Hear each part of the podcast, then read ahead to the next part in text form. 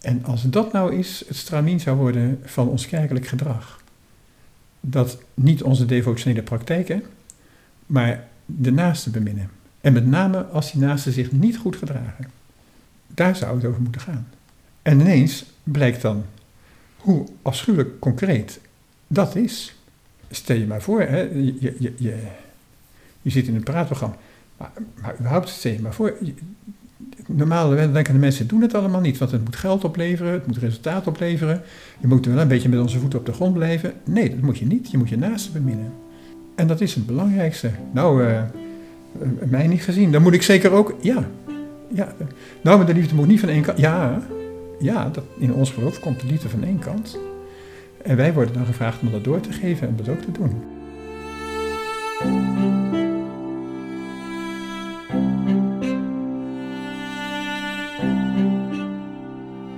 Dries van den Akker is Jezuïet. Daarmee is al wel iets gezegd, iets groots ook wel. Het Jezuïet zijn heeft een belangrijk stempel op zijn leven gedrukt. Maar Dries is ook leraar, catecheet, schrijver, geestelijk begeleider en bovendien een onuitputtelijke bron van verhalen met betrekking tot de heiligen van de kerk. Maar wat Dries ook is, is ziek. Hij heeft leukemie. Het is ongeneeslijk. Afgelopen maanden hadden we enkele keren contact, omdat we allebei in de redactie van Ignis Webmagazine zitten. En dan ging het altijd heel goed met hem, zei hij. Dries, de manier waarop je met je ziekte omgaat doet vermoeden dat je een positief mens bent, optimistisch. Is dat zo? Ja, anderen zeggen het. En ik ervaar het zelf als een geschenk. Dus dat ik dat kan. Ik heb ook steeds tegen mensen in mijn omgeving gezegd toen ik ziek werd. Let op dat ik niet, niet chagrijnig word of, of negatief of, of brommerig. Want dat zou ik echt niet willen. Dat zou hm. ik zeker niet willen. En gelukkig ben ik het ook niet. En uh, ik ervaar dat echt als een geschenk. Dus dat ik de ziekte gewoon kan accepteren als een voldongen feit en, en er een plaats aan kan geven. En uh, in alle rust kan overwegen. Nou, dat het menselijke wijze gesproken het einde redelijk nabij is, mm -hmm. dat verontrust me helemaal niet. Nee. nee. Uh, verwondert je dat? Ja, ja, ja. Maar het, het, als ik erover nadenk, en er zijn ook wel mensen hè, die, die dan Zeg maar, en en hoe, hoe kijk je dan tegen die naderende dood aan en wat staat ons te wachten? Mm -hmm. Dat is eigenlijk niet wat mij bezighoudt. Wat mij, wat mij staat te wachten is, is niet wat mij bezighoudt. Wat mij eigenlijk veel meer bezighoudt is datgene of diegene die mij ooit geroepen heeft om jezuïet te worden, waarvan ik achteraf heb gezien, dat is al heel vroeg begonnen ook eigenlijk. Terugkijkend, want er zitten een heleboel momenten van onbewust er al de een of andere manier toe aangetrokken worden.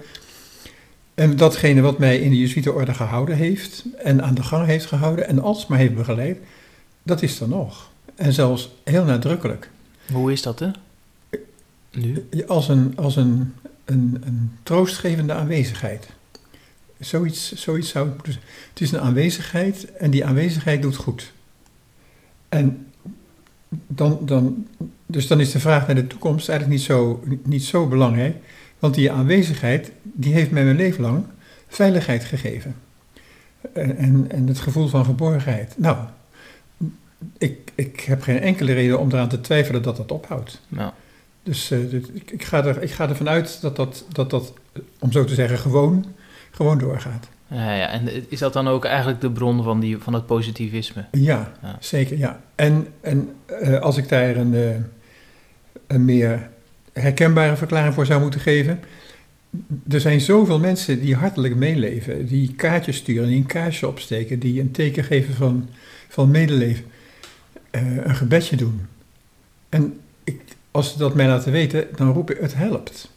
Dus ik denk echt dat al die blijken van medeleven, die houden je overeind. Hm.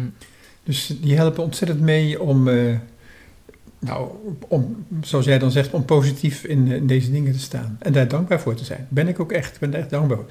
Zoals ik ook dankbaar ben voor alle zorgen van de mensen hier. Van de schoonmaak tot het eten, tot de verpleging. Er zijn zoveel mensen die zich voor mij inspannen. Dat ik, ik, ik zie dat goed. Ja, maar, maar toch, uh, Dries, je bent dan, uh, je bent begin 70, halverwege de 70? Uh, 77. Ja, oh, kijk zo. uh, ja. Dat is niet, niet, niet jong meer, maar nee. toch zeker ook niet, niet stokoud. Nou ja. Hm, Oké. Nee, maar toch, dan, dan krijg je toch... Hè, dus er gaat natuurlijk altijd een traject aan vooraf... Hè, dat je aanvoelt in je lijf van... God, er is toch iets... Ja. En dan krijg je toch wel de diagnose van... Ja, ik, ik zeg leukemie, klopt dat eigenlijk? Nee, dat dacht de dokter aanvankelijk ook. Ja. Maar dat is later verbeterd, om zo te zeggen, tot myelofibrose. Dan moet je dat maar googlen. Ja, Maar dat heeft iets te maken met bloedaanmaak en, eh, en met verkeerde bloedaanmaak. Dus Ja. eh, het, het, het gaat fout met het aanmaken van bloed. ja, maar het is in elk geval ongeneeslijke... Het is ongeneeslijk. Ongeneeslijk. Dat, dat krijg je dan te horen als je Ja. 77 bent. Ja. Eh, en nu En zit toen je, was ik nog ben je, 76. Ja, ja kun, je, kun je nagaan. Ja. Nu, nu zit je hier van, eh, nou ja, ik ben heel dankbaar en eh, ja, je staat dus Ja. op die manier in het leven. Maar als je dat te horen krijgt, hoe, kwam dat dan bij je binnen? Ik zou je zeggen, ik, had, ik zat in Engeland nog. En een novice had mij gebracht, want ik, ik, ik kon toen zelfs niet lopen. Dus eh, in een rolstoel had hij mij naar de betreffende, in de auto naar het ziekenhuis gereden en in een rolstoel naar de betreffende afdeling. Hm. En toen de dokter dat zei, hè, het is eh, niet te genezen, het is wel te behandelen, maar niet te genezen. Toen vroeg ik aan hem, wat doet dat met jou als, als jij dat naast mij hoort? want ik was eigenlijk veel meer bezorgd voor hem. Ja, is een ja, jonge vent van een ja. jaar of dertig. Ja. En, eh, en die vol met goede zorgen voor mij, maar die hoort dan ineens dat deze mede. Maar ehm, het, het, heeft mij niet verrast, het heeft mij niet overvallen. Om zo te zeggen, achteraf gezien denk ik, ik wist, er- zat iets fundamenteel niet goed in mijn lijf. En dan, dat, dat ging dan wel weer over voor enige tijd. Mhm. En zolang het overging, nou oké, dan zien we verder wel. Mhm. Maar ik ben, er, ik ben daar altijd al redelijk makkelijk in geweest. Ik heb medebroeders die zich ontzettend zorgen maken over wat er alles in hun lijf gebeurt en hun gezondheid. Maar zo heb ik nooit geleefd. Zo heb ik nooit geleefd. Dus dit doet zich voor. Oké, dat, dat, dat, eh, ik kan het hebben. Ja, ja. Ja. Eh, Oké, dit is wel eh, gaaf als je dit zo Ik, kunt ik- en ik, ik accepteren. ervaar het ook echt als een geschenk. Ja. Ja. Maar niet iets van boosheid van, hè, potverdikke, ik had nog wel tien jaar erbij willen hebben. Nee. Nee. Nee. Nee. Nooit. Nee, maar zo ben ik ook opgehouden met lesgeven. Ik, ik, ik ben ingetreden met het verzoek om les te mogen geven. En dat heb ik ook gedaan, zeg maar, met, met, met, met korte tussenposes. 43 jaar, met plezier en met inzet. En toen het eenmaal af was, was het af. Ik heb nog een week lang het materiaal bewaard, want ik dacht, misschien ben ik nog wel eens nodig om in te vallen als er een collega ziek wordt. En na een week dacht ik, en dan verbeeld ik mij dat dat materiaal dat ik hier al jaren op de plank heb liggen, dat dat dan ineens het, lesmateriaal moet worden.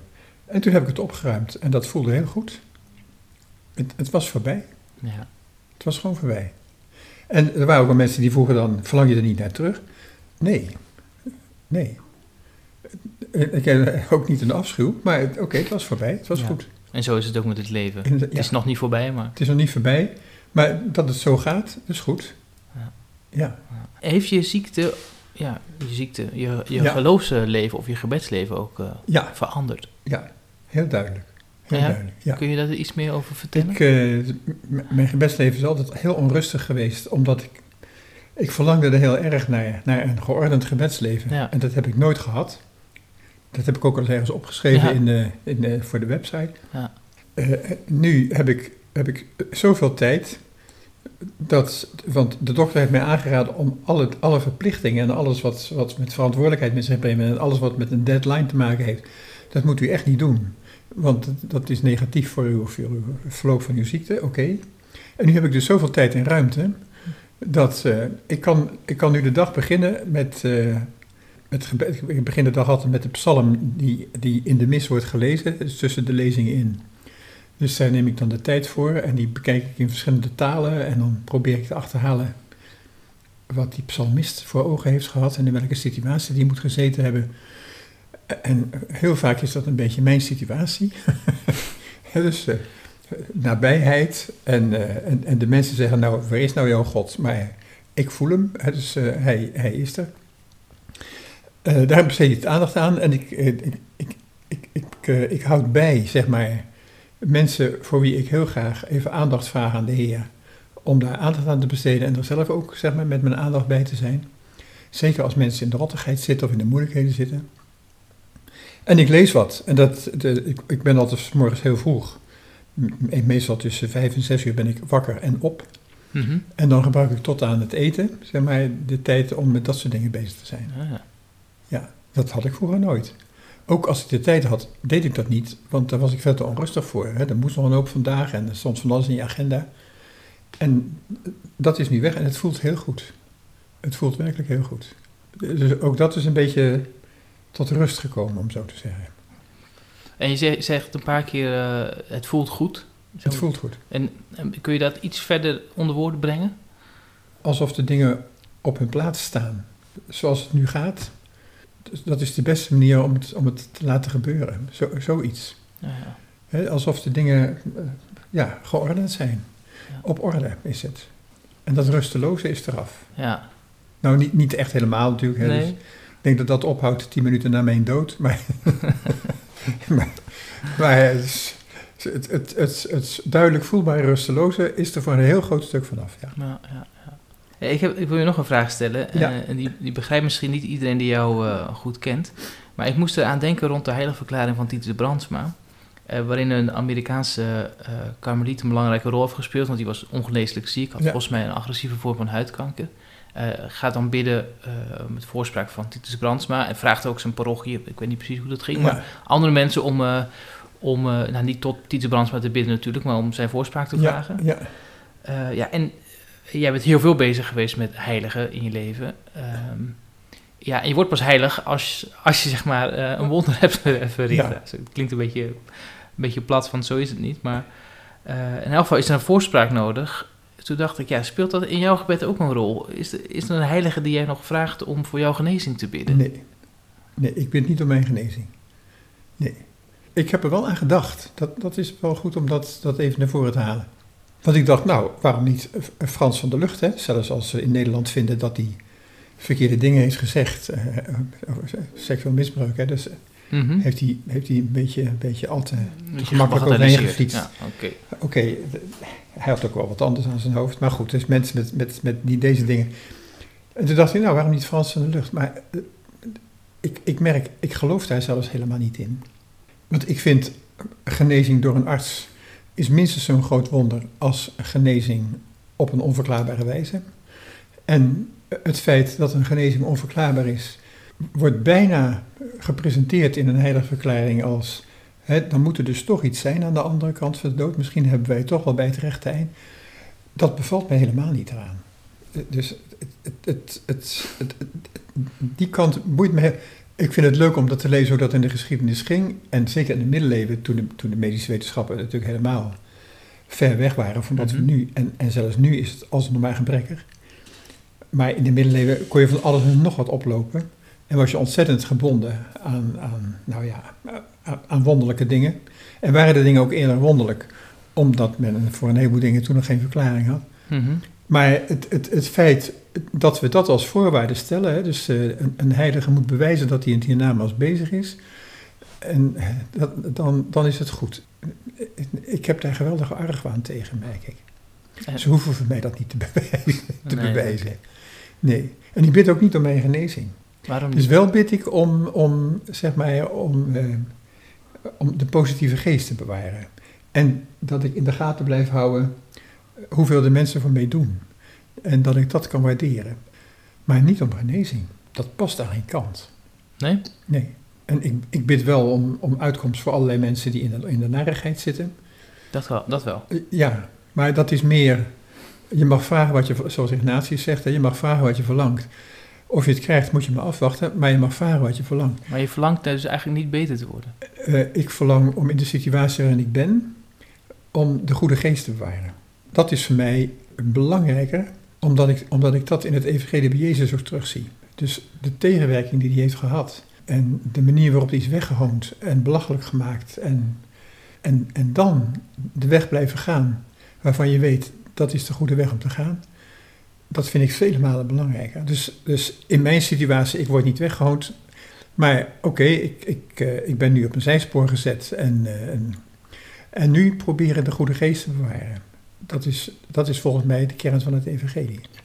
En de goede geest, eh, als je dat in andere woorden omschrijft? Het goede blijven zien om je heen en er ook dankbaar voor zijn. Niet je ogen sluiten voor, voor het kwade dat er is, maar dan toch het goede blijven zien.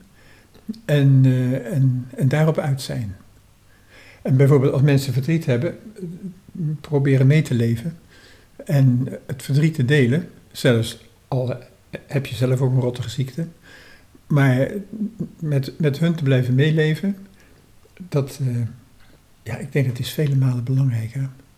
En een, een dienst bewijzen aan een ander is vele malen belangrijker dan bidden om genezing of wat dan ook. Hmm. Dus, en toch is dit wel, want eh, je bent heel lang bezig geweest met die heiligen. Ja. Kijk, zonder dit criterium van ze moeten iemand genezen, maar nooit heilig verklaard. Nee, maar dat is alleen maar voor de, eerste, voor de laatste duizend jaar. Dus uh, tot aan het jaar 1000 of 994 geloof ik. Dus uh, lag dat zo niet. Dus vanaf, zeg maar even gemakshalve, vanaf het jaar 1000 heeft de paus van Rome het aan zich getrokken om iemand heilig te verklaren. Omdat toen was het aan de bisschoppen en elke stad die, die iets voorstelde, die wilde een heilige hebben, want dat was niet alleen uh, heel gunstig voor het geestelijk leven, maar ook voor het economische leven. Hè. Dus uh, daar kwamen pelgrims op af en dat bracht geld in het laadje. Dus als ze geen heilige hadden, dan werd er een gemaakt. En dat konden zelfs varkensbordjes zijn of verhalen die aan geen kant klopten. En dus toen dat te, of, of men ging in een naburige stad de heilige stelen. Dat gebeurde in Zuid-Frankrijk en in Noord-Spanje. En dus om daar een eind aan te maken, heeft dus de paus toen gezegd: we trekken het aan ons en we maken er een proces van. Dus die hebben toen uh, het proces van heiligverklaring ontworpen zoals het nu nog eigenlijk steeds gaat. Ah, ja. Dus dat is alleen maar de laatste duizend jaren. Maar de laatste duizend jaren moet, moet een heilige moet, uh, moet wonderen verrichten. Tenzij je martelaar bent, dan geloof dat, dat dan is het niet meer zo echt, echt heel erg noodzakelijk. Maar het blijft toch wel dat je. Dus oké, okay, dit is van de afgelopen duizend jaar, maar al die heiligen van, vanaf 19, eh, 994, Die, die hebben dus een wonder moeten verrichten. Klinkt ja, een beetje minstens één, eigenlijk in het begin zelfs twee, dacht ik.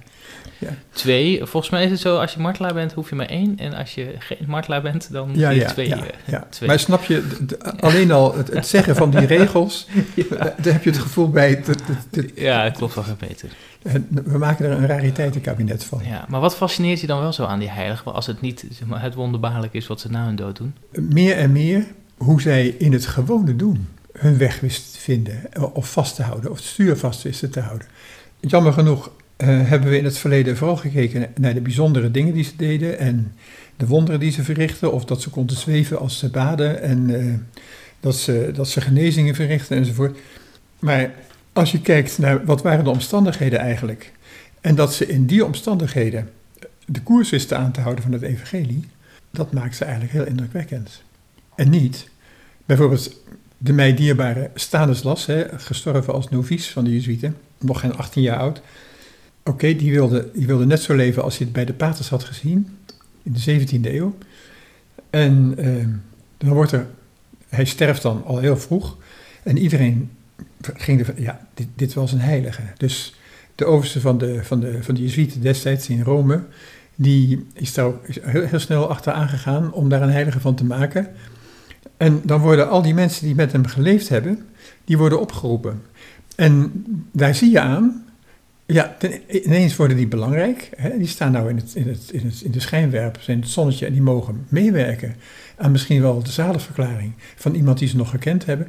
En die gaan antwoorden geven in die richting. Ze zijn heel eerlijk, maar alle antwoorden worden gestuurd in de richting van eh, de zalenverklaring. In feite is die er al. Ja, ja, ja. ja, ja. en, uh, en, en je, je, ziet dan, bijvoorbeeld, de mooiste is wel dat Eén iemand op een gegeven moment zegt dan, ja, en als je hem niet kon vinden, dan wist je zeker, dan kon je naar de kerk gaan. Dat was heel dicht in de buurt, want daar zou hij dan waarschijnlijk wel zitten. En daar vond ik hem ook heel vaak.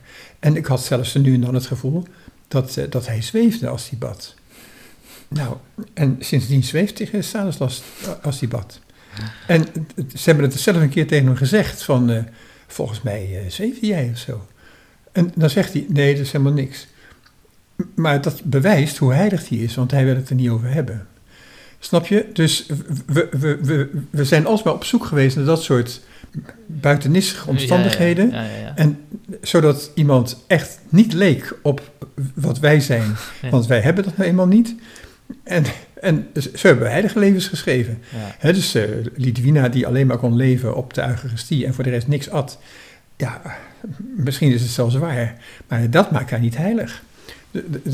Heilig maakt haar het, feit dat ze aan naaste liefde deed, ook al was ze ziek. Dat we er een buitennissige bedoeling van hebben gemaakt, dat is heel jammer. Want nou moet je achter die buitennissigheid moet je weer terug naar hoe waren de omstandigheden van het leven destijds. Maar jij zegt dat die buitennissigheden, maar hebben die misschien toch ook niet iets, iets goeds? Is, zit het dan, want blijkbaar, hè, want het komt toch uit ons mensen voort dat we dus dit soort dingen toedichten aan uh, deze heiligen. Het is ook een verlangen dat, dat er mensen zijn die gewoon beter zijn dan wij. Ja, nee, die iets het, kunnen het, dat wij niet kunnen. Ja, het buitennissig is dat zij de lijn van het evangelie konden vasthouden in de bizarre tijden waarin ze leefden. Dat is het buitennissige. Ja, ja, nee, als als je dat, het gaat overdrijven of als je het gaat benadrukken, oké, dan ga je beeldspraak gebruiken. En uh, dus dan, dan, dan, misschien ga je spreekwoorden gebruiken of iets dergelijks. En, en de, de spreekwoorden worden dan waar. Hè? Dus, uh, dus uh, iemand liep met zijn hoofd in de wolken. Nou, misschien deed ze het ook wel echt ook. Nou. Maar dat, dat maakt haar niet heilig. Maar dat zij met, met, met haar geest of met haar hoofd alsmaar zeg maar, in de geest van het evangelie kon blijven doorleven. Terwijl dat, terwijl dat het, het geldt voor, voor alle heiligen. Die hebben het stuur van het evangelie vastgehouden. Ja. En dat, zou je nu eens moeten doen in, in, in de tijd waarin wij nu leven. En dan moet je kijken naar de praatprogramma's op de televisie. Hoeveel oordeel en hoeveel veroordeling en hoeveel haatdragendheid daarin zit. En, en, en hoe mensen die zich eigen schuldig hebben gemaakt, hoe die de wijk uit worden gejaagd. Hoe die, uh, nou eigenlijk liefst de doodstraf, maar dat doen we dan tegenwoordig niet meer. Maar het zou toch wel, soms zou dat toch wel weer goed zijn. Dus hoe wij net zo beginnen te praten als de mensen die lelijke dingen hebben gedaan. En vergeten dat het evangelie zegt, nee, je moet, je moet uh, mijn woorden die zijn blijvend. En dus elkaar beminnen, je naaste beminnen, zelfs als je naaste zich als een vijand gedraagt, zou je moeten blijven beminnen, dat zou je moeten vasthouden. En dat gaat je niet in de koude kleren zitten. Jezus wist echt hoe hij het had, want de tegenwerking was enorm. En dat noemt hij dan zijn kruis. Dus dat moet je dan op je nemen en doorgaan op de manier zoals je weet dat je zou moeten doen. Nou, dat moet je eens doen in een praatprogramma. Er is geen bisschop meer die op de televisie komt, want ze worden allemaal weggehoond. Ja. En dat is jammer, want ze zouden het wel moeten doen om te laten horen hoe anders het evangelie redeneert dan wij in het algemeen redeneren. Waar is die fascinatie voor ontstaan voor heiligen? Want als ik jou zo hoor, heb, uh, je hebt wel heel veel gedaan. Uh, je hebt de, jouw website heilige.net. Ja. Het, is een bron van informatie. Ja. Je, je, kent ook heel veel heilige levens. Ja. Uh, maar je staat er toch een beetje dubbel in. Maar hoe is, dan, Ja. hoe is het dan toch zo gekomen dat je daar zo ontzettend groot deel van je leven aan Nou, de directe aanleiding is geweest dat ik, uh, ik, ik ging lesgeven op de middelbare school in Groningen, het Maartenscollege. En daar was godsdienst gecombineerd met maatschappijleer. Het vak heette dan ook MAGO, maatschappijleer godsdienst. En er was geen programma. Ik gaf dan dubbele uren op HAVO 4, dus twee keer 50 minuten achter elkaar. En als ik dan een onderwerp ter sprake bracht, dan wisten mijn leerlingen al na drie minuten dat ze daar niet bij. We zitten aan het eind van de jaren 60. En uh, zeg maar, alles was anti-autoritair. En de, dus, vader thuis had niks te vertellen, de leraar in de klas had niks te vertellen, de rector had niks te vertellen, alle gezagsdragers hadden niks te vertellen, ook God was dood. Dus dan moest je niet met dat soort onderwerpen aankomen. Dat, dat, dat. Als je de rest van mijn leven buiten beschouwing laat, die eerste maanden in het jaar 75, 76, daar, op basis daarvan kan ik heilig verklaard worden. maar alle andere tijd moet je dan, moet je dan afblijven. maar dus, uh, want dat, heb ik, dat is echt een hele moeilijke tijd geweest. En, uh, want je wilde ze zo graag bereiken, maar je had gewoon geen idee ik, hoe. Ik, ik, klopt, ik, ik bereikte ze niet. Kijk, wat altijd wel lukte was, zeker in die tijd, want, want discussiëren en praten was toen, dat gaat nu ook niet meer, maar dat ging toen heel goed. He, dus je, je, gaf gewoon een, een, een, omstreden onderwerp. Bijvoorbeeld, je vader en moeder vinden dat je elke zondag naar de kerk moet. Nou, wat vind je ervan? En dan hadden we twee uur lang discussie over dit onderwerp. En ja. dat ging dan alle kanten op. Maar ze leerden natuurlijk niks. Nee. Maar gelukkig was je dan de tijd weer doorgekomen. Ja. Dat, dat... en wat gebeurt er op een gegeven ogenblik? Ik weet niet hoe dat kwam. In een HAVO 4-klas is er een, jong, een jongen die iets zegt. En uh, het, het, ging weer, het, het, ging weer niet door, hè. En uh, ik zei tegen hem, jij heet Diederik, weet jij eigenlijk wat jouw naam betekent? Nee, dat wist hij niet. Ze vindt het leuk om te weten. Ja, ja, vond hij wel leuk om te weten. Ze nou, dat betekent machtig onder het volk. En ik zag mijn onwillige leerling twee centimeter groeien op zijn stoel. En zijn buurman, Jeroen, en ik en ik en ik. Ja, ja, ja. ja. Hieronymus, dat is met een heilige naam. En die zag ik ook twee centimeter groeien. ja. En toen wilden ze allemaal graag weten wat hun naam betekende. Dat waren dus twee lessen. En toen was ik weer bij af, want toen moest ik verder. En toen heb ik tegen ze gezegd, er zijn al mensen geweest die jouw naam gedragen hebben. En daar zijn soms verhalen over. En ook in de kunst is dat wel afgebeeld. Zit leuk om dat, eh, om dat eens te bekijken en te luisteren. Ja, dat vonden ze interessa- interessant. En zo ben ik systematisch begonnen met het verzamelen van heilige levens. En dat sloot een beetje aan bij mijn voorliefde voor kunst en, en, eh, en, en, en afbeeldingen. Mhm. En ik had al afbeeldingen van heiligen. Ik, ik, ik, ik bewaarde, als, als er mooie afbeeldingen waren in tijdschriften, zo, die bewaarde ik. Want daar hield ik van, hè, om naar te kijken. En ik dacht, je kunt, altijd, je kunt nog eens nooit weten hoe je ze in het onderwijs ook kunt gebruiken. Dat deed ik ook wel, om leerlingen te leren kijken naar afbeeldingen. En die, dat sloot daar prachtig bij aan. En dat kwam dus heel mooi bij elkaar. En eh, verhalen vertellen, ja, dat kon ik al. Dat, dat, dat, deed ik al in de klas. Eh, alleen, het leuke is dan, eh, hoe meer je van die verhalen vertelt, en juist die exotische verhalen, die vind ik ook het leukste eigenlijk hoor. Zeker die oude. Dus kijk, nu is een heilige leven. Nu moet eigenlijk als het ware de relieken van de heilige gevonden worden met een oranje lintje eromheen. En de handtekening van de betreffende heilige er zelf op. Deze beenderen zijn echt van mij. Hè, want anders geloven we het niet. Terwijl voor het jaar 1000 al die legendes die ontstaan. Want de kunst is dan om achter de legende. Ja, de. de, de, ik, ik wou niet zeggen de waarheid, maar wel. Het, wat, kan daar nou, wat, komt daar nou tot, wat wordt daar nou tot uitdrukking ja, de gebracht? hè? betekenis ervan. Ja. Ja. Wat je dus in de Bijbel ook doet met Bijbelverhalen. Hè? Dus oké, dat is een mooi verhaal. Maar het kan, het kan als symbool functioneren voor een heleboel situaties. Dat komt bij heilige levens ook. Het is misschien meteen het mooie bruggetje naar, eh, naar jouw leven als, eh als jezuïet en hoe dat begonnen is. Ehm, want op 7 september 1964 ben je Ja, jezuïet geworden. heel goed. Ja. Ja. Waardoor besloot je dat je dat wilde? Ik besloot het in het najaar van 1963. Toen kregen wij als eindexamenleerlingen de gelegenheid eh, voor het eerst. Dus gewoon was op school. Ik zat op het Stanislascollege in Delft, een Jesuitencollege. Gewoon was om eh, aan het begin van het eindexamenjaar bezinningsdagen aan te bieden aan de leerlingen. Maar dat betekent, je ging met z'n allen naar een bezinningscentrum. En ik vond het altijd leuk om dat zo te zeggen. Hè. Dan bestond de bezinning vooral uit biljarten en tafeltennis. Gewoon, je, je, je zat niet op school en Mhm. dus nu was er een pater die mooie vrome dingen zei en daarna ging je weer gewoon je vrij. Maar dat was de eerste keer, 1963.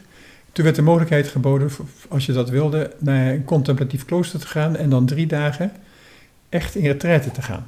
Dat had ik natuurlijk nog nooit meegemaakt, maar we waren met z'n zessen, zes, nee zessen, zes of acht jongens. We waren toen nog alleen een jongensschool. En we zijn toen naar Achel geweest, naar de Achelse kluis. maar, eh, en daar heb ik besloten om jezuïet te worden. Alleen, eh, wat eraan vooraf gaat, dat is, dat, dat, dat is gewoon een heel langdurig proces. Er is ooit een moment geweest in mijn leven, toen zat ik nog op de lagere school, in de laatste klas, dat zou nu groep 8 zijn, dat was toen de zesde klas, dat ik midden in de winter, het was een mooie heldere dag, het was koud, het vroor, maar de zon scheen. En van school, die, die was gebouwd tegen de parochiekerk aan. En die stond open. Ik, het was tussen de middag, een uur of twaalf. We gingen naar huis om tussen de middag te eten. Weet je wel, school duurde tot twaalf uur en om twee uur begon je dan weer. En ik weet niet waarom ik dat deed, maar ik ben toen de kerk ingewandeld en die stond open. En met die lage zon en de stilte die daar heerste. Ik was misdienaar, maar er was dus altijd iets te doen in de kerk. Maar er was nu helemaal niks te doen in de kerk. Het was volmaakt stil en heel mooi licht. En kapelaan in toog liep in stilte zijn brevier te bidden in het middenpad. En dat ruisen van die toog bij dat lopen, dat maakte de stilte nog intenser. En ik weet nog, dat, dat maakte op mij enorme indruk. En toen dacht ik, eigenlijk zou ik hier ook wel bij willen horen. Dat is achteraf gezien, want dat, dat, dat moment, dat heeft me heel even geduurd. Toen ik die middag thuis kwam, zei ik tegen moeder, wat zou je ervan vinden als ik priester ging worden? En mijn moeder zei, die stond in de keuken aardappels te bakken of iets dergelijks. Die zei, eh, nou daar heb je nog tijd genoeg voor om over na te denken. Oké, dat was dan dat. Hè. En dat, dat ging ook weer in winterslaap. Maar het kwam boven, het kwam echt, het kwam terug toen ik op school zat. En ik heb altijd les willen geven. Dat is volgens mij mijn oudste roeping, lesgeven. Op de middelbare school in Delft had ik, we we hadden over het algemeen hele goede leraren. Er waren een stuk of, er waren toen veertien paters. En verreweg de meeste, ook de gewone leraren, waren hartstikke goed. Maar bij die paters zaten er drie. Pater de Groot voor geschiedenis en Pater Daniels voor Duits en Pater Heesterbeek voor Nederlands. Waarvan ik dan maar steeds het gevoel had, ja, als je zo kunt lesgeven, ja. Het, dat, die behartigden veel meer dan hun lessen alleen. Hè. Dus daar hing een enorme cultuur omheen en een visie en, en, en een breedheid van belangstelling. Totdat de gedachte in me opkwam, het zijn wel net paters bij wie je dat denkt. Zou dan het geheim te vinden zijn bij de paters? En daar schrok ik van, want intussen, die paters, ja, die waren echt anders dan wij. En die liepen toen nog in toog, of minstens in zwart pak met boord, maar meestal nog in toog. En je moest wel bijzonder idioot zijn, wilde je dat worden. En ik, had op dat moment eigenlijk al een vaste vriendin. En nog een goede ook. Oké, dus dat pater worden paste helemaal nergens meer. Dus, Oké, dus ik ben toen nog overgegaan naar de vierde klas. Hopend dat het stomme idee ook weer zou verdwijnen. Maar dat deed het niet. En in de vijfde klas ik heb, ik, heb daar leuke jaren gehad hoor. Ik heb het nog altijd over het begin van de jaren 60. Dus de wilde jaren 60 waren er nog niet. De Beatles begonnen net. De Rolling Stones begonnen net. Maar wij hadden elke week wel een feestje ergens thuis. En ik behoorde tot het drietal jongens dat dat organiseerde. En eh, ik deed allerlei dingen die ik leuk vond. En, en ik bleef zitten in de vijfde klas. Tot grote woede van mijn ouders. Die ik nu al behoorlijk snap. Want ik heb hem er nooit over verteld. Want ik dacht, nou ja, dan, dan gaat het niet dat stomme idee gaat dan over, hè, als ik maar met andere dingen bezig ben. Maar dat deed het helemaal niet. Ook niet in de tweede jaar, vijfde klas. Het ging niet over.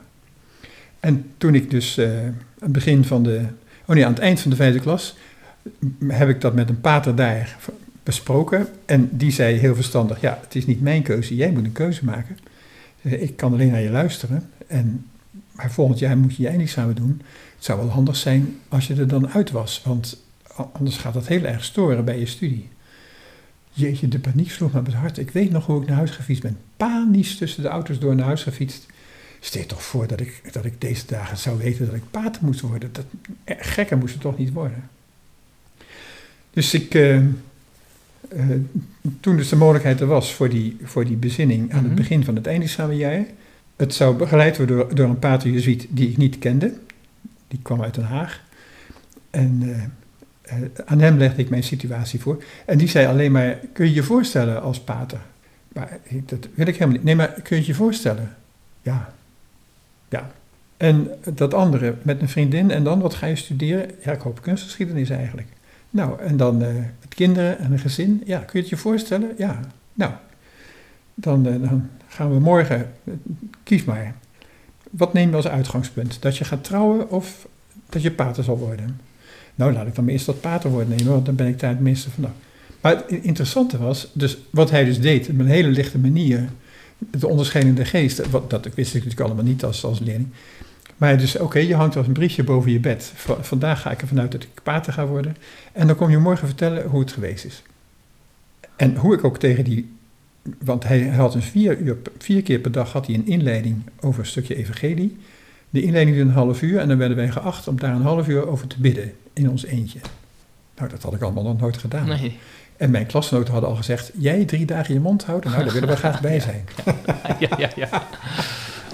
Maar het liep als een trein. Het ging echt als een trein. Alsof ik het nooit anders had gedaan. En dat zei ik dan ook samen. Oké, dat, dat, dat noteren we. En dan morgen doen we het andersom. Hè. Dan gaan we ervan uit dat je trouwt met je vriendin en kunstgeschiedenis en eventueel kinderen krijgt. En dan kom je je vertellen hoe het geweest is. En die tweede dag verliep helemaal niet. Hè. Dus dan kan een dag echt heel erg lang duren. Nou, dan was het toch eigenlijk wel duidelijk. en ik zei, ja, ik ben drie jaar aan het nadenken en u weet het al binnen twee dagen. Nou, daar geloof ik helemaal niks van. Ja. En toen zei hij, oké, je hebt morgen nog één dag, we hebben drie dagen. Eh, als het niet 100% is, dan zeg je nee. Nou, dat, dat, was, dat, dat vond ik een geweldige deal. En wat gebeurde er nou die derde dag? Wij hadden gevraagd of een van de monniken eh, met ons kon, kon, kon vertellen wat dat inhield, monnik zijn. ja. En we hadden ook zittend in de kapel, daar onze, het, het koorgebed meedoen, hadden we er eentje gezien. Die wilden wij eigenlijk graag. Dat bleek achteraf een hele goede keuze te zijn, want die zei, Nee, daar ben ik niet voor. Ik ben hier om te bidden en voor de Heer te zingen. En we hebben een gastenbroeder. En die zorgt voor de gasten en dat gaan we niet verwarren. Dus ik blijf bij de Heer en jullie. eh, heel goed eigenlijk, hè? En oké, de gastbroeder deed dat.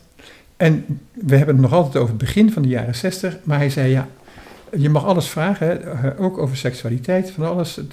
Daar ga ik er proberen zo goed mogelijk antwoord op te geven. En dat deed hij. En bij elk antwoord dat hij gaf op onze vragen, dacht ik me steeds, ja, als het zo is, dan kan ik het ook. Hè, als, je, als je niet een of andere eh, uitzonderlijke idioot hoeft te worden, zoals ik denk dat de paters in Delft dan zijn. Hè. Mhm, mhm. En, hè, dus hij, zei dan bijvoorbeeld, ja, het feit dat ik een pij aan heb, dat verandert niks hoor. Probeer het maar uit. Heb je iets wat op een pij lijkt thuis? Ga je dat aantrekken en dan kijk je of je een ander mens bent geworden. Waarschijnlijk niet. En kijk maar hier in het koorgebed, je ziet het heel goed. Eh, die mensen hebben een pij aan, maar dat maakt die mensen niet anders. En je ziet best wie er moeilijkheden heeft.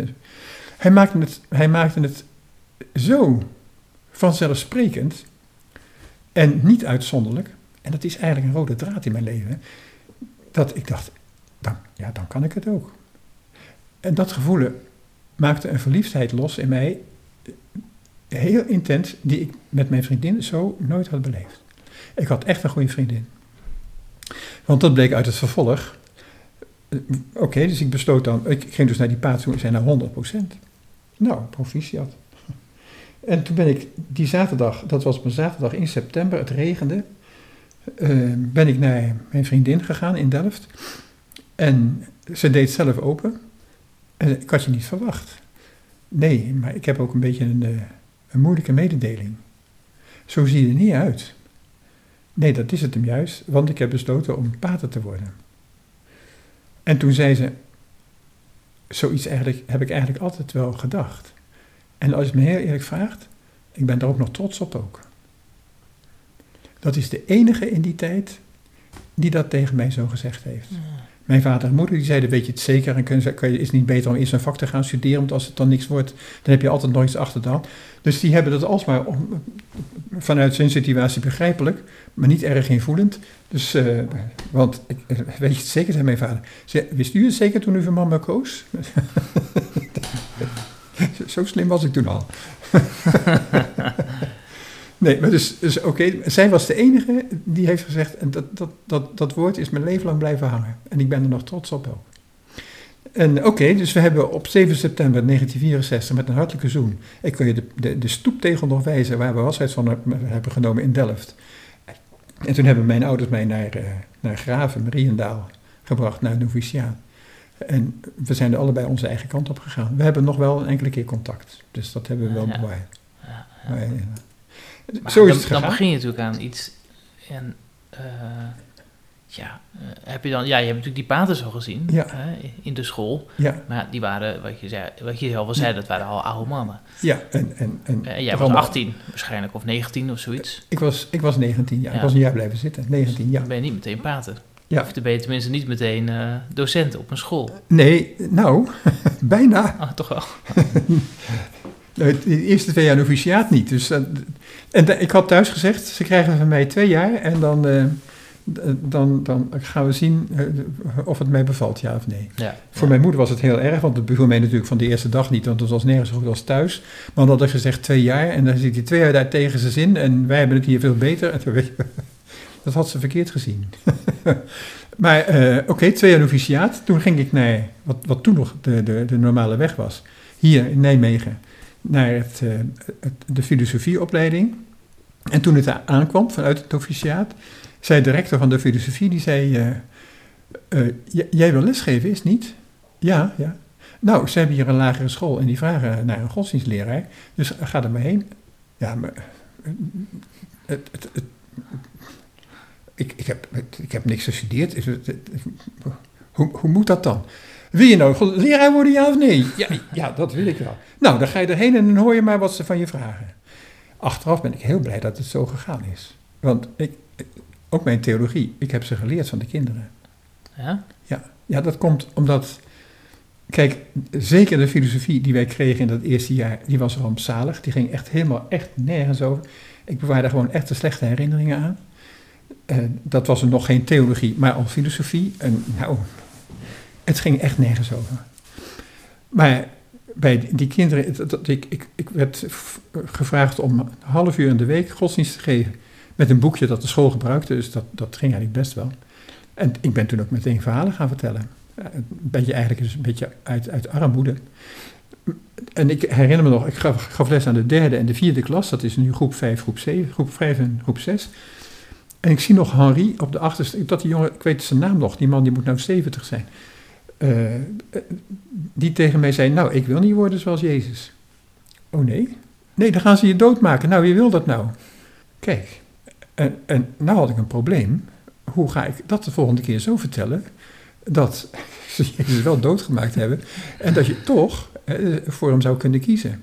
Dat werden mijn, mijn, mijn vragen. Hè. Dus, eh, en, eh, ik heb dat een jaar in Nijmegen gedaan. Toen verhuisden we met de hele zaak naar Amsterdam. Ik ben toen in Amsterdam naar, op zoek geweest naar een lagere school. En heb die ook gevonden. En eh, daar had ik eh Lizzie, Lizzie van Haren van het schoenenconcern. Met een brilletje op, acht jaar. Acht jaar. En die zei dan, eh, ja, ze zeggen dat God overal is, maar ik zie hem nergens. ja, dat weet ik ook niet. Ja, dat zei u vorige week ook al. Toen had ze namelijk gevraagd, hoe gaat de verrijzenis? Ja, dat, dat weet ik niet. Ja, u woont toch in zo'n huis met allemaal mannen? Er zal er toch wel één zijn die het weet? Acht jaar, hè? En de tweede keer, ze zeggen dat God overal is en ik zie hem nergens. Ja, dat weet ik ook niet. Ja. Toen zei ze, ja, maar u komt hier om erover te vertellen. En dan vragen we wat en er wordt ervoor betaald en dan weet u het niet. Snap je? Dus ik ben toen ontzettend op zoek gegaan naar antwoorden die ik kunnen geven. Want die antwoorden moesten voldoen aan drie criteria. Het moest een overeenstemming zijn met wat we geloven, dus met de kerk zeg maar even. Maar ook dat het voor mijzelf geloofwaardig moest zijn. En het Ja. moest bevattelijk zijn voor een kind van acht jaar. En dat dan alles bij elkaar, dat maakte mij heel vindingrijk. En eh, ja, daar is voor mij, daar heb ik de echte theologie geleerd. En de, de rare theologie op, de, op het instituut, dus eh, de, de, de Theologische Hogeschool, als ze dan een werkcollege hadden of een seminarie, dan zei ik ze nu dan, en nou sta ik voor de klas. En laten we nou niet meteen het moeilijkste nemen, maar de kinderen van het laatste jaar, die zijn 12 jaar. Als dit echt van belang is, hoe ga ik dat aan kinderen van 12 jaar duidelijk maken? De docenten vonden dat altijd heerlijk. maar daar ging het eigenlijk nooit over. Nee. Dus eh, alleen omdat ik daar nou toevallig zat met, met, met dit praktische probleem, eh, eh, daardoor daagde ik mijn jaargenoten soms uit om, om, om daarover na te denken. Ja, eh, kun je ons misschien uitdagen dan? Want wat is dan het, wat vind jij, wat is belangrijk als je eh, zeg maar, bezig bent met geloofsvorming met jonge mensen? Wat is dan het belangrijkste? Eén is echt, het moet echt zijn. En het moet ergens over gaan. Kijk, voor haar waren dat blijkbaar vragen toen. Hè. Ik weet niet of die vragen er nu nog zo zouden leven. Voor mij, eh, de lagere schoolervaring was die vraag naar de aanwezigheid van God, hoe kun je dat voorstellen? Die heeft altijd op de lagere school geleefd. En eh, op de middelbare school, als God bestaat, waarom is er dan zoveel ellende op deze wereld? Dus dat, dat, dat was op de middelbare school. Ja. En daar heb ik echt mijn, mijn, mijn theologische opstelling aan te danken. En dus het, het is, dus die vragen neem je serieus en daar ga je op in. En als je het niet weet, nou, dan is dat het eerste wat je zegt. Ik weet het niet, maar ik, ik ga er echt over nadenken. En Dat heb ik steeds gedaan. Maar jij zei, ja, jouw ervaring was te- door te goed te luisteren naar eh, de vragen die die kinderen stellen of die onderhuids misschien aanwezig zijn. Ja, en dat zijn natuurlijk ook je eigen vragen. Wij zijn ook begonnen over eh, hoe, hoe, hoe ervaar je de, de aanwezigheid van God. Dus Mhm. die vraag zit eronder. Ja. Ja, wat, wat hoopte je dan, eh, wat hoopte je dat er gebeurde bij die kinderen? Of bij die jongeren? Eh, dat, ze, dat ze zien dat het mooi is. Ik, en ik, dat, eh, zo'n type leraar ben ik ook. Hè. Ik wil graag aan anderen laten zien dat ik iets moois heb gezien. En hun erop attenderen dat het mooi is waar ze naar kijken. En hoe je dat misschien kunt oefenen om dat, om dat zelf in de gaten te hebben. Ik, ik ben niet een leraar die uit is op, op relaties met leerlingen. En ik ben niet een type leraar die, eh, die tegenwoordig heel hoog worden ingeschat, ook door mij, van het Hopman-type. Hè? Dus die gezellig met een klas op sjouw gaan. Dat, daar heb ik altijd reuze tegen opgezien.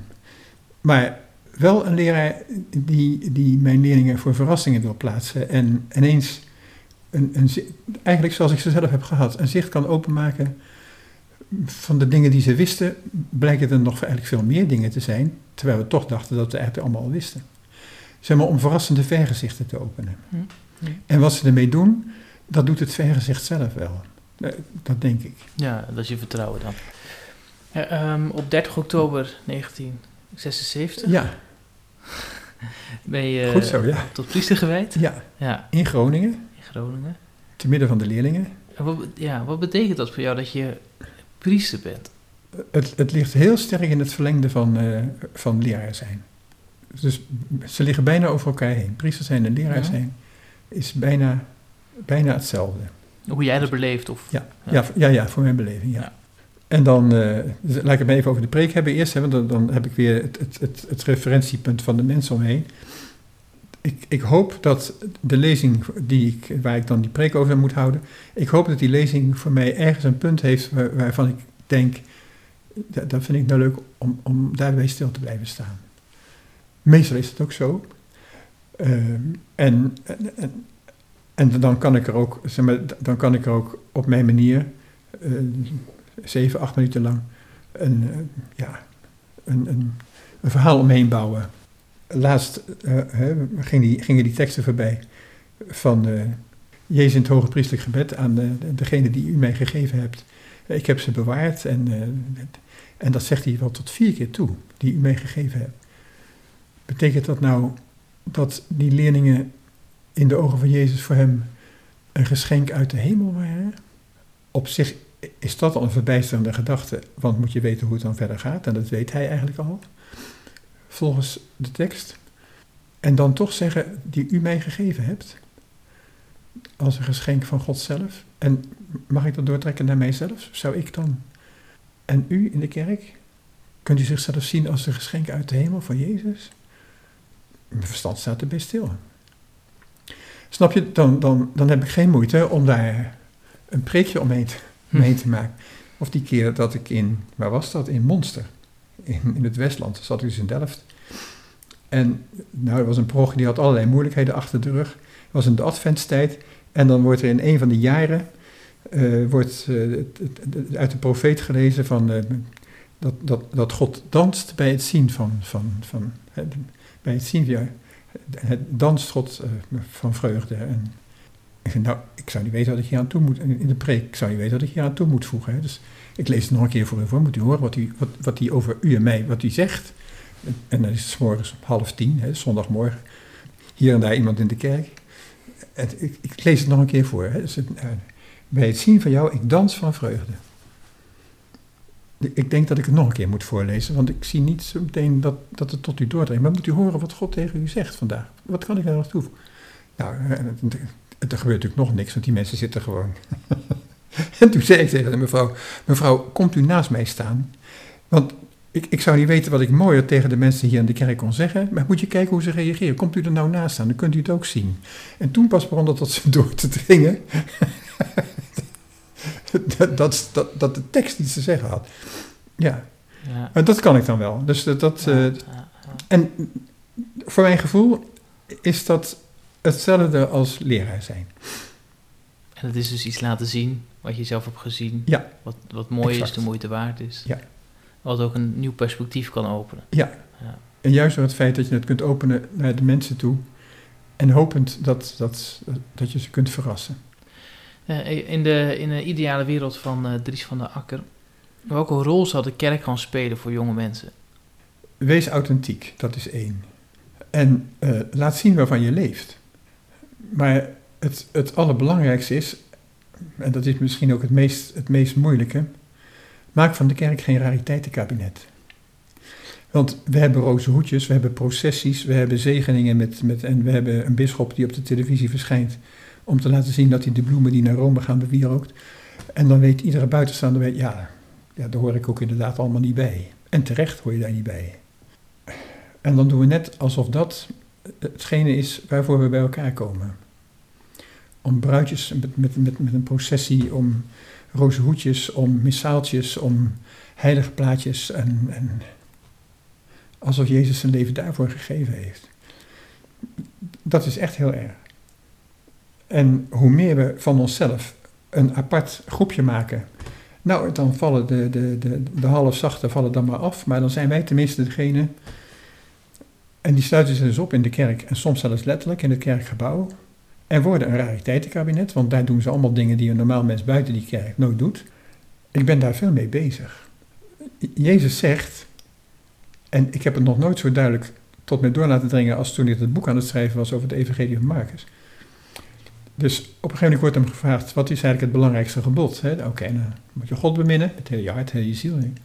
En het tweede is even belangrijk, je naaste beminnen als jezelf. En degene die het vraagt, die maakt het nog sterker. Die zegt, nou dat hebt u terecht gezegd, want je, je, je kunt beter je naaste beminnen dan een offer opdragen in de tempel.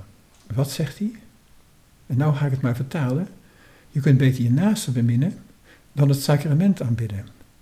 Je kunt beter je naaste beminnen dan bijdragen aan de collecte. Je kunt beter je naaste beminnen dan een rozenhoedje bidden. Aan een rozenhoedje bidden en een sacrament is niks verkeerds aan. Maar als de keuze er ligt, dan zou je toch de naaste moeten beminnen. En dat is belangrijker dan een devotionele praktijk. En als dat nou is het stramien zou worden van ons kerkelijk gedrag, dat niet onze devotionele praktijken, maar de naaste beminnen. En met name als die naasten zich niet goed gedragen. Daar zou het over moeten gaan. En ineens blijkt dan hoe afschuwelijk concreet dat is. Stel je maar voor, hè, je, je, je, je zit in een praatprogramma. Maar, maar überhaupt, stel je maar voor, normaal denken de mensen doen het allemaal niet, want het moet geld opleveren, het moet resultaat opleveren. Je moet wel een beetje met onze voeten op de grond blijven. Nee, dat moet je niet. Je moet je naasten beminnen. En dat is het belangrijkste. Nou, uh, mij niet gezien. Dan moet ik zeker ook, ja. ja. Nou, maar de liefde moet niet van één kant. Ja, ja dat, in ons geloof komt de liefde van één kant. En wij worden dan gevraagd om dat door te geven en dat ook te doen. Want de liefde die ik ontvang komt van één kant. En wij worden dan gevraagd het ook te doen. En plotseling blijkt dat dat hartstikke concreet is en heel moeilijk. Dus we moeten, we moeten echt de, de, de theologie gaan herzien. Een voorbeeld uit, uit Engeland. Hè. wij zaten daar in het seminarie, het grootste seminarie van het bisdom, van het aartsbisdom Birmingham. Er zaten 56 seminaristen, verdeeld over een enorm aantal bisdommen en verdeeld over zes jaar. Mhm. Dus per bisdom was het, was het nog niet zo gek veel, maar het was een grote groep mannen. 56. En die hadden elke dag een Eucharistieviering in de kapel. Een mooie neogotische kapel. Uh, heel klerikaal, eerbiedig, zeer zeker eerbiedig. En die hadden de gewoonte om bij de consecratie de klok te luiden van de kerk. Aanvankelijk dacht ik dat dat het Angelus was, maar ja, dat had ik tien minuten geleden ook al gehoord. Dus toen dacht ik, luiden jullie ook nog het, Engel, Angelus voor Alzheimer-patiënten, die vergeten zijn dat het tien minuten geleden al... Nee, dit, dan, dan, dan is de consecratie. Oké. Nou, dat is eerbiedig, ja. Maar volgens mij luiden jullie die klok op het verkeerde moment. Hoezo? Nou, nu luid je de klok en dan worden de heilige woorden uitgesproken over brood en wijn. En die verandert dan in het lichaam van Christus. En dat wordt dan getoond. En dan luiden jullie de klok. Ja. Maar dat is toch niet de voltooiing van het sacrament? Want de voltooiing van het sacrament is dat de mensen naar voren komen en de ware tegenwoordigheid van Christus in zich opnemen. En in zich gaan dragen. En een incarnatie worden van het geheim van God zelf. Nou moet je de klok luiden, want zoveel zijn er niet die dat doen. Nu moet je de klok luiden. Oké, dat is daar, daar, daar begon een van mijn dingen. Dus dat je het sacrament niet zozeer moet aanbidden. Ja, het is eerbiedig natuurlijk. Maar het is niet bedoeld om aanbeden te worden, want dan kun je het toch nog op afstand houden. Mhm. Maar het is bedoeld om het in je op te nemen en het te zijn. En dan ten tweede, en de aanwezigheid van God is niet beperkt tot het sacrament. Het sacrament is een, is een is een, een viering, een feestelijke gedachtenis van het feit dat hij er altijd is. Waar is God? God is in de, hemel en op aarde, hij is overal. Dus ook als ik het sacrament niet vier, is hij er wel. En het sacrament is om even aan dat feit aandacht te besteden, maar niet als een soort voorwaarde. Ja, als je het sacrament ontvangt, dan heb je de ware en de anders niet. Dat is een vergissing. En die vergissing maken we met alle sacramenten. Dus mijn, mijn, eh, hoe, hoe langer ik erover nadenk, hoe blijer wij moeten zijn, zeker sinds Engeland, hoe blijer wij moeten zijn met de secularisatie. Want de Jezuïte spiritualiteit zegt dan dat wij God zouden moeten zoeken en vinden in alle dingen. Nou, dat moeten we dan ook doen. En niet eerst naar de kerk gaan en hem daar zoeken en vinden, want dat is niet moeilijk. Maar gewoon vinden in het geharrewar van alle dag.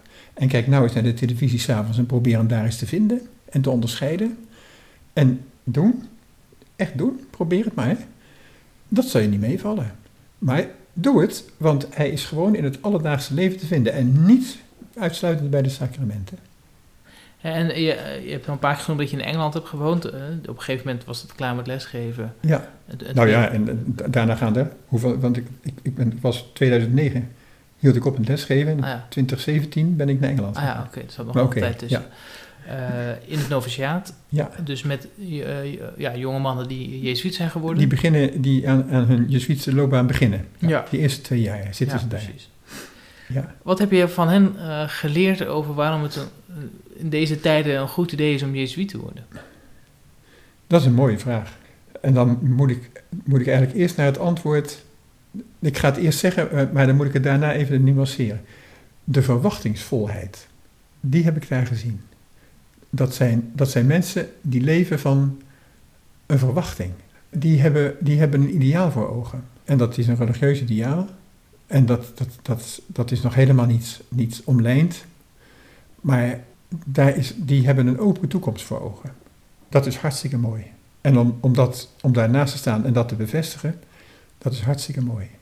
Ik kan het voorbeeld geven met één. Een alleraardigste, werkelijk alleraardigste keer. Ze zijn allemaal rondom de dertig. Hè. Ze zijn veel ouder dan toen wij begonnen. Ja, En ook de hele wereld is volslagen veranderd. ja. De, dat, dat laat ik maar even zo. Maar eh, een paar jaar geleden werd ik gevraagd, als ze beginnen, als ze komen, dan, eh, oké, dan moet je een beetje kennis maken, maar heel snel doen ze een driedaagse retraite in stilzwijgen. Persoonlijk begeleide retraite. En eh, een paar jaar geleden, toen vroeg de novicemeester in Engeland, kun jij dat dit, jaar niet doen? Dat heb ik toen gedaan. Het waren er vier, alles bij elkaar. En een van die vier, die vlak voordat hij was gekomen, had hij behoorlijk veel gedaan en gewerkt. Hij had wat baantjes gehad. En die zei in het eerste gesprek, ja, en dan ga ik bidden en dan val ik in slaap. Nou, dat is een cadeautje van de Heer. Daar kun je dankbaar voor zijn. Nee, ik moet bidden dan. Ja, maar als jij vertelt dat je zoveel gedaan hebt, ben je gewoon moe. En ja, dan is het logisch dat je in slaap valt. En eh, ik zou dat maar beschouwen als een cadeautje van de Heer. Nee, want ik moet bidden. Nee, moet je luisteren. Ze zeggen dat God ons zelf heeft gemaakt.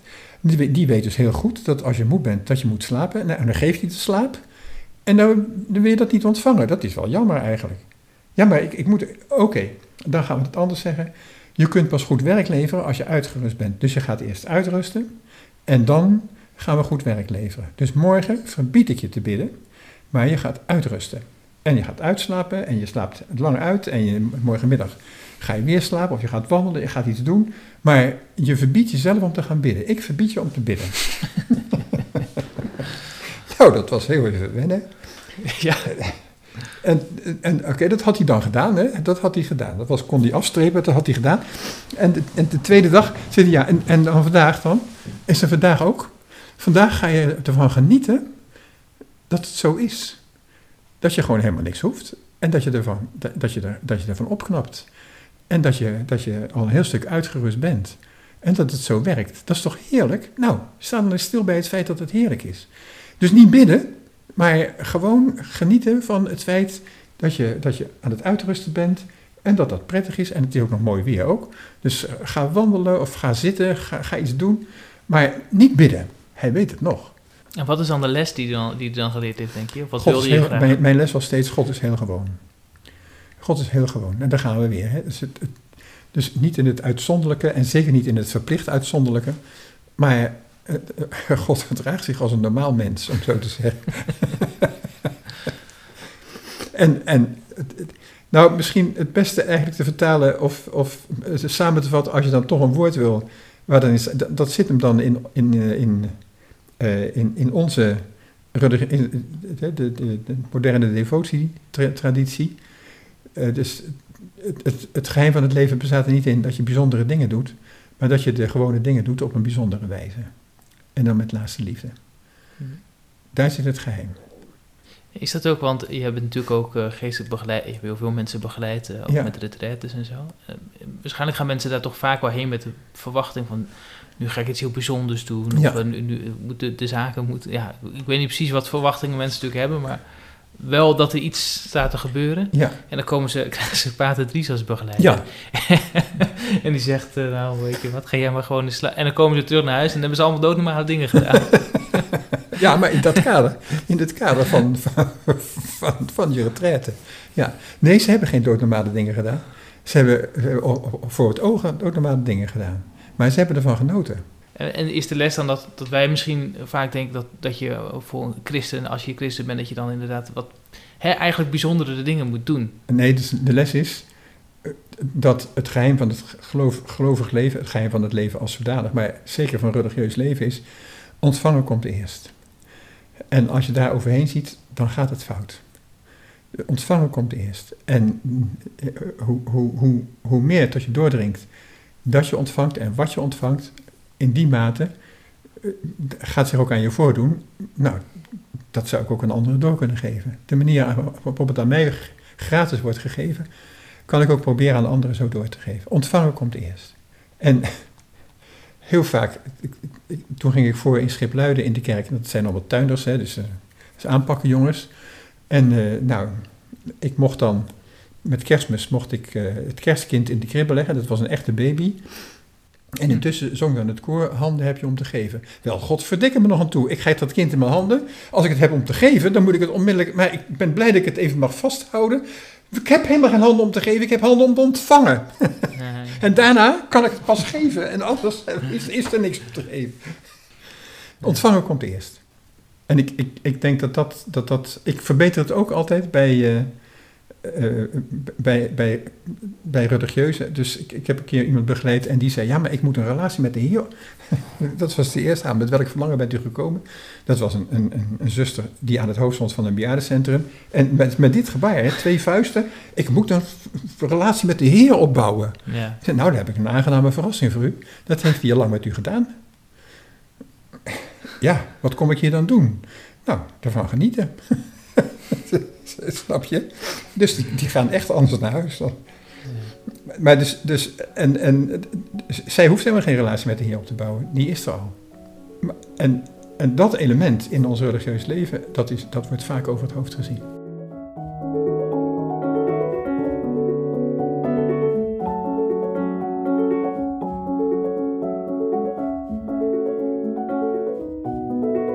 Heb je genoten van dit gesprek?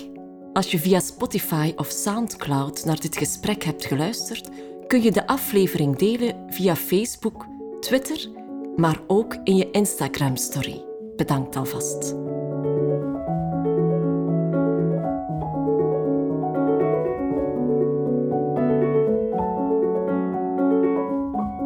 Op zoek naar meer verdieping en inspiratie? Vind onze essays, meditaties, columns, interviews, video's en podcasts op www.igniswebmagazine.nl.